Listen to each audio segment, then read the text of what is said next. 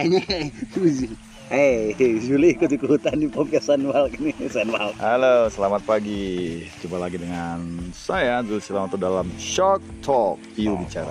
Oh, Ci. Kali ini kita sedang berada di mana nih, Pak? Di mana nih? Ini Di arah Lembah Pinus. Arab Pinus. Lembah Pinus bersama teman-teman dari pengurus pusat Kickbox Indonesia. Kita sedang mempersiapkan materi untuk grading atau apa namanya? untuk tingkatan Tingkatan sabuk sabuk. dari Kickboxing Indonesia. Nah, di sebelah saya sekarang sedang duduk seorang founder, pendirinya. Kickboxing. Ini saya tahu benar sejarahnya ini beliau bagaimana keliling-keliling ini untuk mengembangkan kickboxing ini sampai akhirnya setelah dua tahun ya kita bisa tahun, diterima di KONI pusat Oh, di pusat. dan daerah-daerah Oh, juga iya. sudah mulai diterima di KONI-KONI daerah ya. Ya. Gimana Bang Yani coba cerita sedikit tentang apa namanya? eh ya tentang ya. ada WhatsApp WhatsApp Ya. masuk gak apa-apa.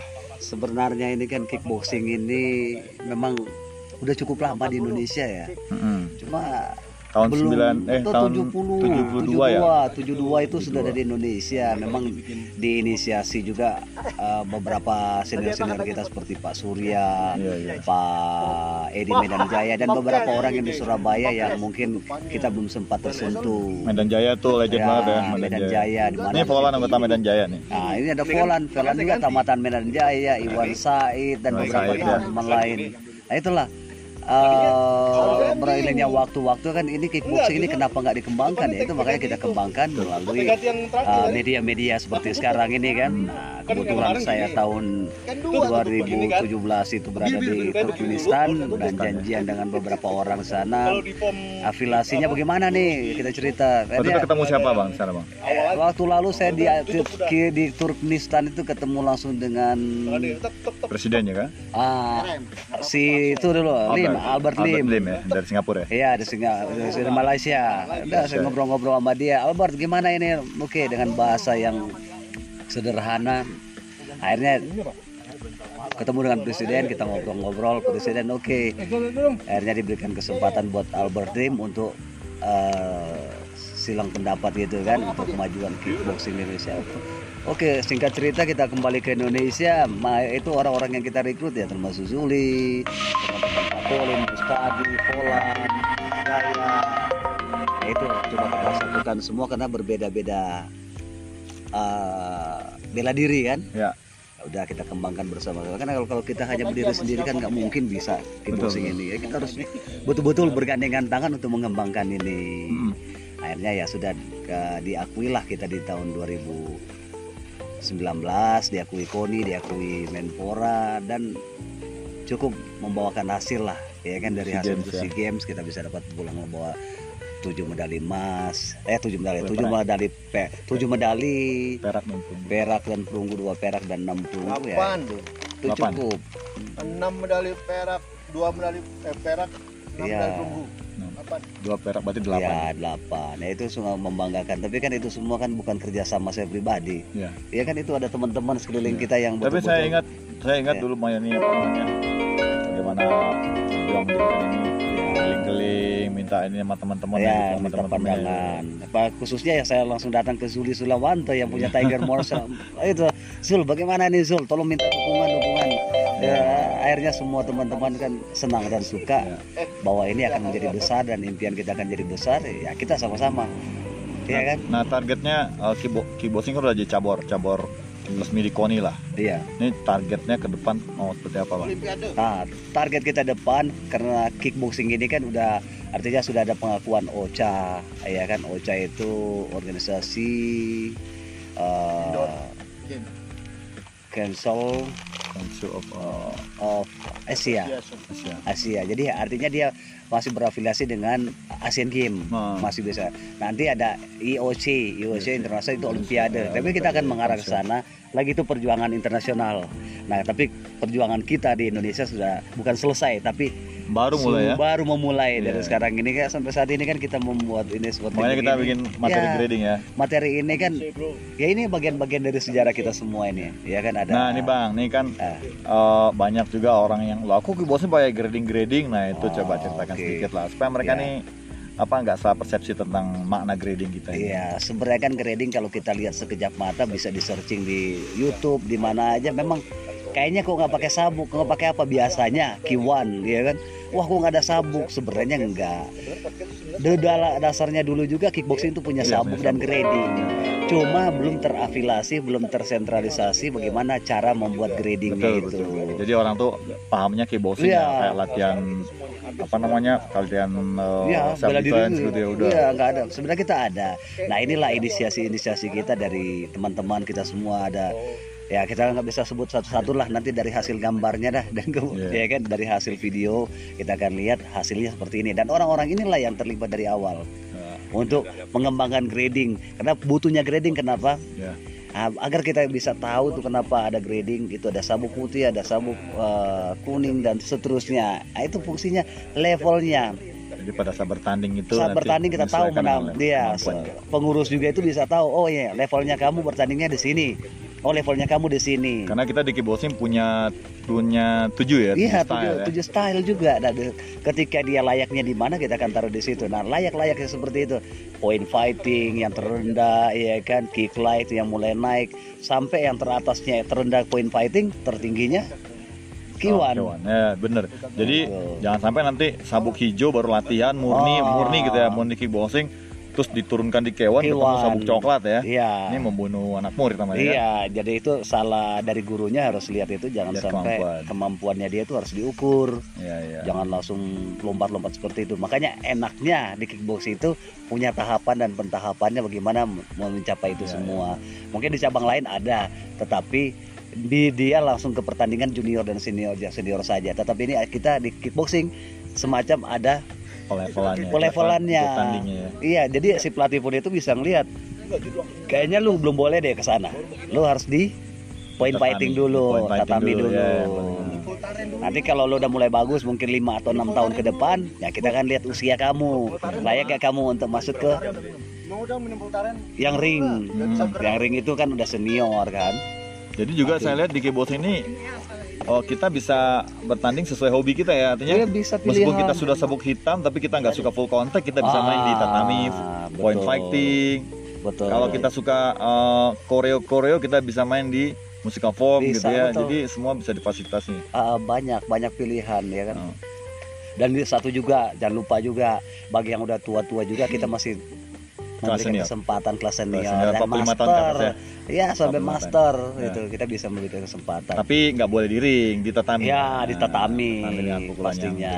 Enak juga ya Iya. kalau Nah, itu ke depannya mudah-mudahan kita semua bisa bisa sinergi dan teman-teman yang betul-betul ingin bergabung be- dengan kita dengan kickboxing ya welcome tidak ada tidak ada ya ada batasan batasan siapa aja boleh siapa. bergabung dari mana pun latar belakang silakan latar belakangnya itu untuk pengembangan ya iya karena kita kan pengembangan. arahnya ke prestasi ya iya prestasi betul. karena mereka itu boleh uh, tidak membatasi dengan satu kecabangan atau uh, kepercayaan masing-masing lah kita memberikan kesempatan bagi juga teman-teman yang udah merasa uh, apa namanya di suatu tempat itu kurang atau kurang nyaman atau kurang, kurang apa bisa kurang bisa explore, explore prestasinya ya. prestasinya dia ya di kickboxing ini Ya. memberikan peluang Kayak kemarin waktu try out di Batam tuh juga ada anak-anak silat loh dari anak silat nah, main kickboxing bagus-bagus juga loh tinggal dipoles sedikit lagi aja. Iya. Ah, nah dan juga ah, kalau kickboxing ini kan memang ada sedikit aja sih dia nggak terlalu ah, menekankan ah, sen apa namanya atributnya dia. Ya. Tetapi paling tidak dia boleh memakai atributnya tetapi tidak menaruhkan logo-logo Logo-logo. logo-logo yang seperti itu. Itu itu aja sih. Selain itu kan boleh semuanya dia mau pakai atribut artinya atribut yang ah, apa namanya yang celana pendek, celana panjang, tinggal itu pilihan. Pilihan mana cabang? Iya, apa, mau yang style. mana nih? Mau stylenya, mau celana pendek apa celana panjang? Ada Ya, sebagai style yang harus nggak celana pendek, ada yang harus pakai celana panjang. Iya. Nah, satu lagi nih bang, ini kan grading ini ya buat sebagian kita eh, ya tadi kan anggapan orang kita kickboxing itu cuma latihan pukul tendang tanpa ada sabuk. Padahal kan kalau kita lihat sejarahnya ke belakang itu kan memang dari dulu nama kickboxing itu ada level beltnya ya. Iya. Kan dulu seorang Andy Hook yang master di Kyokushin Karate pun punya grading kickboxing yang cukup tinggi di Iya, kickboxing. Nah, iya dia. betul. jadi maksudnya gini, kan kebanyakan orang-orang kita tuh fanatiknya gini. Wah, aku kan dari karate, aku kan dari ini. masa ya harus grading grading apa grading kickboxing baru baru boleh masuk kickboxing nah ini gimana nih menyikapi ini Iya. Eh, jadi gitu kalau memang mereka menyikap kita menyikapi seperti begitu oh dia dari ini dari ini ya sebenarnya sih enggak dari kita kickboxing itu ya dari tadi yang tadi itu saya bilang silakan saja dia merasa ini apa namanya cukup baik di ya cabangnya ya kan ah. udah cukup baik ya ini kan ada beberapa jurus ya Hmm, betul-betul ada sedikit em, apa namanya karakteristik daripada setiap cabang itu beda-beda memang betul, kan? ketika di kickboxing kita harus wah was-was dengan tangan ya contohnya betul betul. Ya tangan harus di atas. Di atas emang. Memang faktor kebiasaan itu kan akan terbawa di itu. Ya, Nah, kalau di cabang lain kan artinya dia tangan selalu di bawah nah itu perlu ada adaptasi lah ya. adaptasi lagi dengan seperti seperti gitu. Nah, untuk grading grading ini kan makanya kita membahas juga dari dasarnya, dasarnya seperti apa? Kedisiplinan, apa namanya gesturnya, bagaimana menjaga uh, apa namanya gesturnya tetap Jadi, stabil sesuai teknik- dengan teknik dari dasarnya itu sudah dibahas. dasarnya. jadi sebenarnya grading kickboxing ini nggak masalah artinya Hmm. nggak nggak akan nggak akan apa namanya bisa berkolerasi eh, ko- korelasi dengan eh, bela diri lain tetapi Iya. tidak akan mempengaruhi eh, apa namanya Ah, bela diri bela diri dasarnya masing-masing dia masih bisa tetap jadi dan dua di karate gitu ya betul. tapi nggak usah malu misalnya kalau dia di kickboxing cuman baru bisa grading sampai Dia ban grading- hitam atau jon coklat gitu ya atau mungkin putih yang dia udah hitam di sana tapi bisa dapat putih karena Iya, memang kita secara- harus uh, menyatukan visi Iya. visinya gimana basicnya Nah kan basicnya. kadang orang itu yang nggak siap dia. Gua udah dan satu di karate kok dapat sabut kuning di kickboxing ya. Ini gimana ini? Iya. Nyikap ini. ya di mana pun kita berada kan ya namanya kan kita perlu adaptasi Ya, betul. kalau misalkan kita mau saya ke perguruan silat ya saya harus pakai atribut silat dan Ya, betul. uh, menggunakan dasar uh, filosofi mereka dasar mereka ketika kita mau bergabung dengan sesuatu yang baru ya kita harus dari lebih mana yang baru kopi? juga Ya, ya. Sebagai contoh juga saya punya punya murid eh, dia seorang eh, karate, bas- basicnya karate. Ah. Ketika saya latih kickboxing emang agak sulit awalnya. Jadi sangat apa ya? Sangat eh, agak sulit adaptasinya. Tapi dengan disiplin dia berlatih terus lama-lama juga mulai mulai bagus lah kegiatannya Iya. gitu. Saya pikir Oke, ya. memang buat betul itu nggak salah itu seperti itu. Kan di kickboxing ini kan ada kategori-kategorinya. Kalau memang dia dia sudah bertahun-tahun nih di contoh di cabang lain, karakteristik dia udah agak susah dirubah. Iya, kickboxing juga mau menyiapkan tuh. Iya betul. Nah, Menyiapkan itu Iya, yang betul. karakter sesuai dengan karakter dia. Nah, Apa? bicara karakter, fighting. bicara itu harus adaptasi dulu kan Pak ini petinju nih kan. Iya. Habis ah kan tentunya ikut kejuaraan sanda atau Iya. terus kickboxing, muay thai. Tentunya kan itu perlu adaptasi kan. Perlu Malu adaptasi waktu itu belajar belajar dari Ya, dasar gitu. Perlu malu. Kayak dulu saya tuh kan latihan tinju. Dulu taekwondo sempat ya? Lalu dulu latihan taekwondo karena kita harus apa? menambah, Dari menambah ilmu. Dari Ya, putih lah. Dari putih tuh padahal udah petinju Putih. profesional ya. Iya. Nah, jadi gitu. Kayak, kayak saya tinju nih. Saya tuh hanya memodalkan tinju. Ya ditendang orang lah, saya nggak bisa nendang. Nah, Iya. kita harus belajar juga, ya kan? Belajar dari taekwondo. Kita harus belajar dari taekwondo dan karate. Hmm. Nah, begitu terus berkembang terus berkembang, ya kita harus juga lihat bahwa memang kekurangan itu nggak selalu apa nggak selalu apa itu ya kekurangan itu selalu harus selalu di biasa Ya, ya, jadi jangan kekurangan itu kita nggak asa ada kelebihan itu juga. Nah, kelebihannya dari setiap cabang itu makanya itu di kickboxing ada tujuh nomor. Ah. nah ketika karakteristik dia dia itu contohnya karate atau taekwondo nah itu lebih dia- dominan dia- dia, bisa iya, main di point fighting. dia bisa main di pemilihan dari sesuai dengan karakter karakteristik karakter. dia. Ah. point fighting. Ya kalau taekwondo dia akan main di apa? Di kick light sedikit lah itu. atau di di low kick. light contact bisa. light contact dia bisa masuk dia bisa pilih. Ya kan?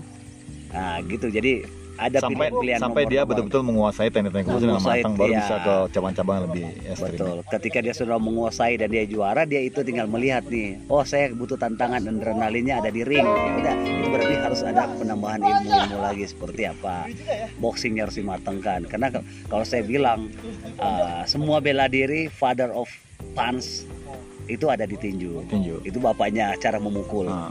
Artinya cara memukul yang betul-betul yang betul, menjaga yang lebih body. aplikatif untuk kejalanan segala macam iya, itu tinju tinju pastinya nah, kalau kita yang lain ya kita harus belajar dari karate, taekwondo, tendangannya. Walaupun relatif lah karate bisa siapa saja berlatih, apa tendangan bisa siapa saja. Tetapi kesempurnaan itu adalah father of kick itu ada di Taekwondo. karate dan taekwondo, ya kan. masih tinggal pengembangannya ya. Tinggal pengembangannya mau di mana itu.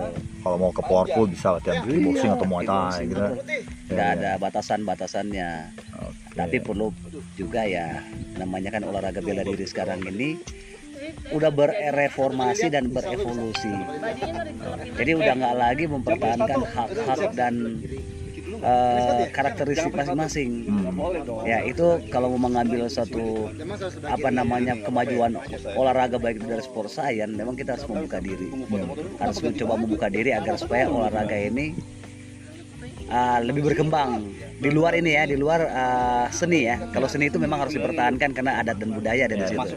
Seni. seni itu adalah ke apa namanya bagaimana melatih kehalusan Ya, budi gitu. kalau sendiri sendiri dan itu termasuk dari adat dan istiadat setiap karakter masing-masing seperti karate dia punya seni, Seni, silat kata, punya seni, ya, ya kembangan segala kembangan-kembangannya itu. Jadi Pomse kembali lagi di pomse, ya, taekwondo ya. seninya itu. Tetapi jangan lupa kickboxing itu menyiapkan itu semua. Ya, Ada seni, semua. Ya, ja- jadi Ada bagi kamu yang suka seni, koreo-koreo tadi Iya, bisa di ada point fighting.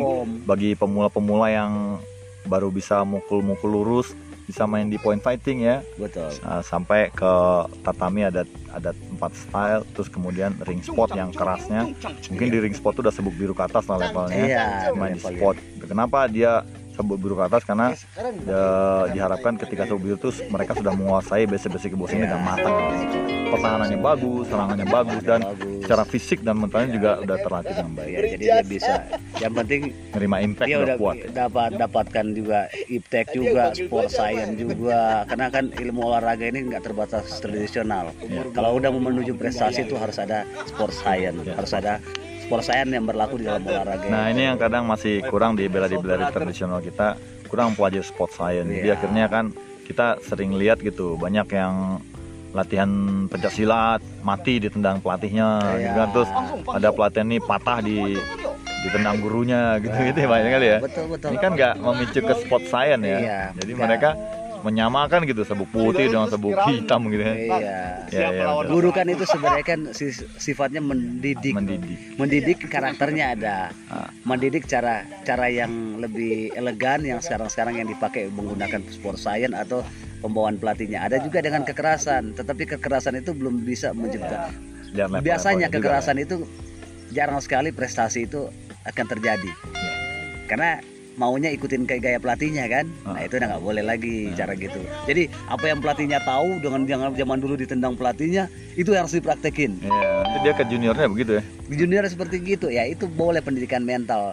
Tetapi sekarang kan ini udah perkembangan olahraga. Kalau olahraga ke depannya itu tidak ada lagi terlalu menekankan gitu. Tetapi bagaimana tentang psikologis ke atlet agar mencapai prestasi? Bukan menanamkan sesuatu yang eh, mereka anggap dengan kekerasan dengan kekuatan Mereka sudah jago. bisa jago dan bisa mengelu- mengelu- mendapatkan hasil yang terbaik. Enggak karena memang Tentu. ketika mereka dididik menjadi seorang yang berprestasi juga kemampuan mereka berkelahi pun juga nggak bisa dianggap remeh ya. Iya. oke oke bang. Ah. demikian kickboxing nah pesan nih buat buat eh, para bela diriwan di luar sini eh, untuk kickboxing nih gimana pesannya seperti apa? Ya, pesan saya sih ke- khususnya untuk teman-teman yang di luar sana. Ya. Marilah kita bersatu. Ah. bersatu di dalam olahraga namanya olahraga. Pasti ada olahraga eh, apa namanya karya ada juga olahraga prestasi ada juga olahraga ini. Mari kita satu-satu bersama-sama untuk memajukan olahraga. Ya jangan ada lagi yang declare bahwa ini yang terbaik. Yang paling hebat ini yang paling nggak bisa hebat. dipertandingkan. Nggak bisa diper, nggak di- itu tanpa pertandingan dia udah hebat. Ya semua itu kan ada proses. Proses itu ya dari pembuktian. Karena sport science juga itu adalah fakta data. Karena tanpa data itu omong kosong bullshit jadi pesan saya berlatih yang lebih baik gunakan akal sehat yang baik Ya, lah dalam kickboxing Oke, terima kasih Bang Yani. Oke, teman-teman, ini kan tadi obrolan kita dengan seorang eh, pendiri juga yang beliau nih di ujung. boleh dibilang foundernya kickboxing Indonesia ya. Salah Nanti satu buat yang yang vintage gitu. bagaimana mem- mempromosikan kickboxing ini supaya bisa diterima sampai akhirnya bisa diterima di KONI pusat dan di beberapa daerah. Nah harapan kita teman-teman yang mau berlatih kickboxing nggak usah ragu-ragu, nggak usah takut lah. Artinya eh, tidak akan ada sen- sentuhan yang ini eh, antara kamu ketika belajar kickboxing dengan asal perguruan kamu gitu. Karena semua kickboxing ini hampir sama ah, sama lah dengan mixed martial art ya. Jadi kickboxing itu mixed martial art cuman dia stylenya stand up gitu. Bukan pakai style ground juga. Kenapa disebut mixed martial art? Karena dia bisa mengadap adap mengadopsi semua cabang bela diri mempelajari tekniknya dan bisa bertanding dari cabang apa pun. Yang penting misalnya kamu silat atau karate kalau kamu mau bertanding kickboxing ya yang penting kamu harus eh, belajar cara-caranya bagaimana sih mencari nilai. Karena kickboxing ini pertandingan betul-betul pertandingan cerdas ya. Bukan pertandingan baku hantam. Jadi banget yang yang sering menghantam menang. Tidak selalu gitu. Karena itu betul-betul eh, permainan cerdas karena kita hitung poin. Benar-benar poin yang dihitung. Hampir sama pertandingan-pertandingan bela diri konvensional lainnya gitu, karena kita lebih ke poin. Jadi ini betul-betul harus berlatih dengan baik. Cara mencari nilai, cara bertahan yang baik gitu ya. Eh, dan segala hal yang perlu dikembangkan di kickboxing. Jadi istilahnya eh, lain padang lain balang. Jadi setiap bela diri itu bertandingnya pasti punya gaya masing-masing, punya aturan masing-masing. Nah, tinggal kita bagaimana kita bisa belajar yang baik untuk bisa turun di kejuaraan pertandingan tersebut. Nah, kamu di karate kau pelajari bagaimana sih mencari nilai di karate, bagaimana sih stylenya karate. Begitu juga di silat seperti itu juga. Kamu nggak bisa pakai gaya silat bertanding di karate, atau kamu juga nggak bisa pakai uh, gaya karate bertanding di silat. Pasti kamu akan kalah secara poin dan begitu juga di kickboxing. Oke, semoga ada bermanfaat. Mari kita kembangkan kickboxing bersama-sama. Salam olahraga jaya, us salam kickboxing. Kickboxing keren. Thank you.